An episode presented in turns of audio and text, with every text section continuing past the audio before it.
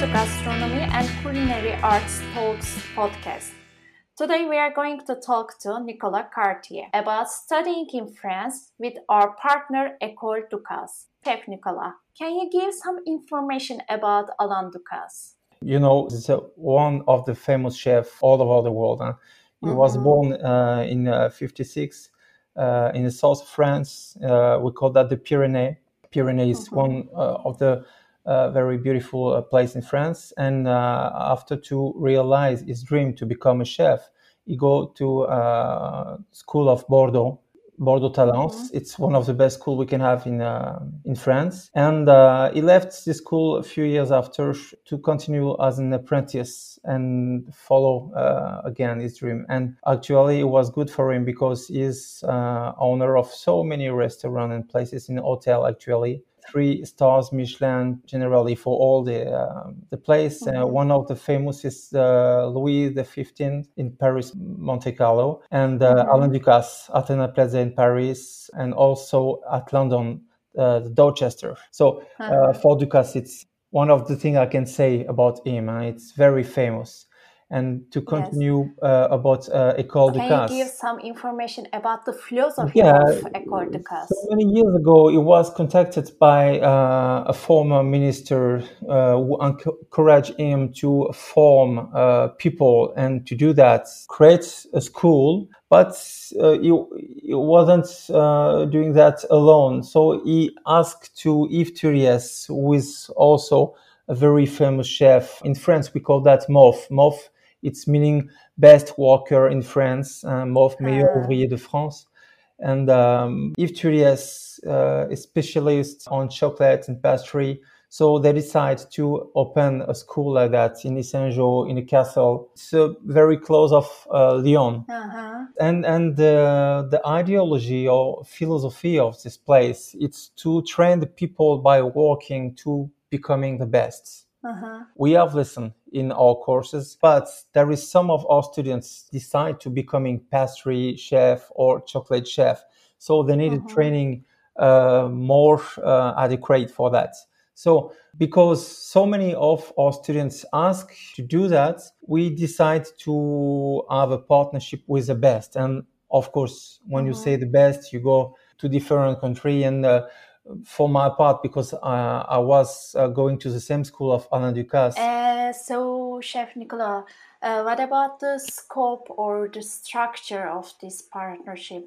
It's a six weeks program. It was it was difficult to decide about uh, the time we can allow to do that because uh, it's outside the country, of course. It's in France, and we coordinate all syllabus with what they can do for us so we we, we work a lot with uh, the people there. Generally, we are doing a program with them, specialists on the French pastry. Mm-hmm. Of course, in France, it's uh, yes. uh, always uh, better to do that. But we have entremet, we have chocolate, we have uh, field trip, and they, they can visit a very, very famous uh, chocolate factory, one of the best of the world.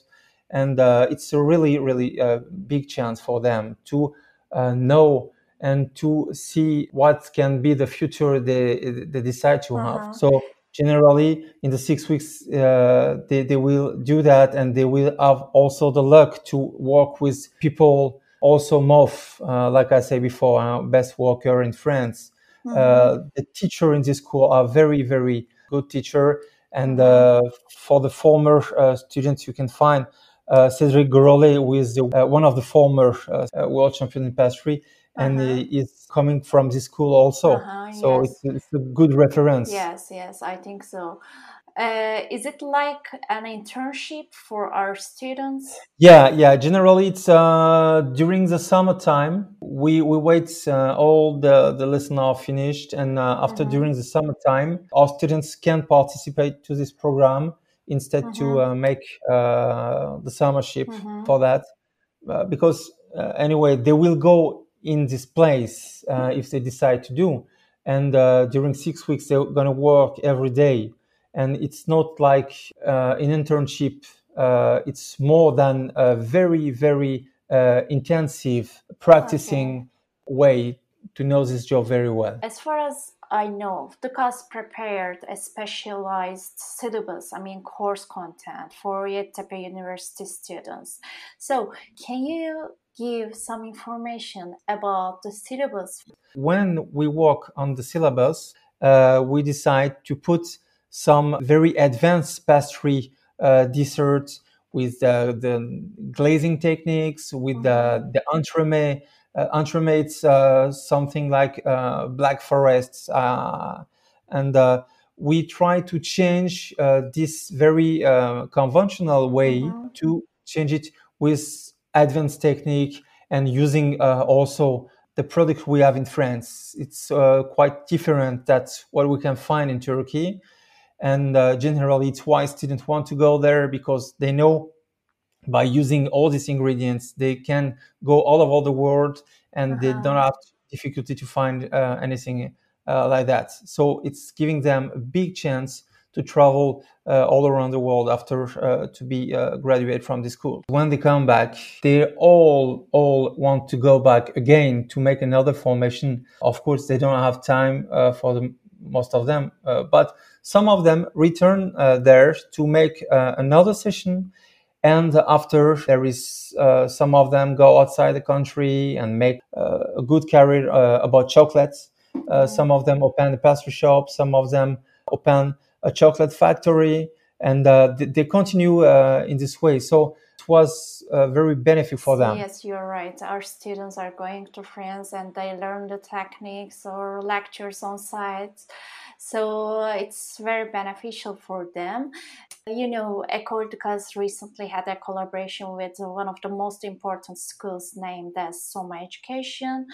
And I really wonder, does our collaboration with Ducasse cover Soma Education as well? Yeah, totally. Uh, it's a collaboration between us and OR covering Sommet also. Sommet is one of the huge Swiss school uh, from the hospitality sector. When you go and uh, on internet and you check on uh, Sommet, and if you click on Ducasse, you will see the name of all the university partnership mm-hmm. from Ducasse, and there is also, of course, uh, Yeditepe uh, gastronomy name uh, appearing in this in this because uh, as I always say, the best work always with You're the best. Right, you're exactly right. Uh, thank you, Chef Nicolas for detailed information about Ecole Ducasse. Yeah, uh, so I was very happy to participate to this uh, podcast. And uh, as you say in Turkish, I will say to you güle güle. And uh, as I say in French, au revoir à tous. Thank you very much. Thank you. You're welcome. Bye bye.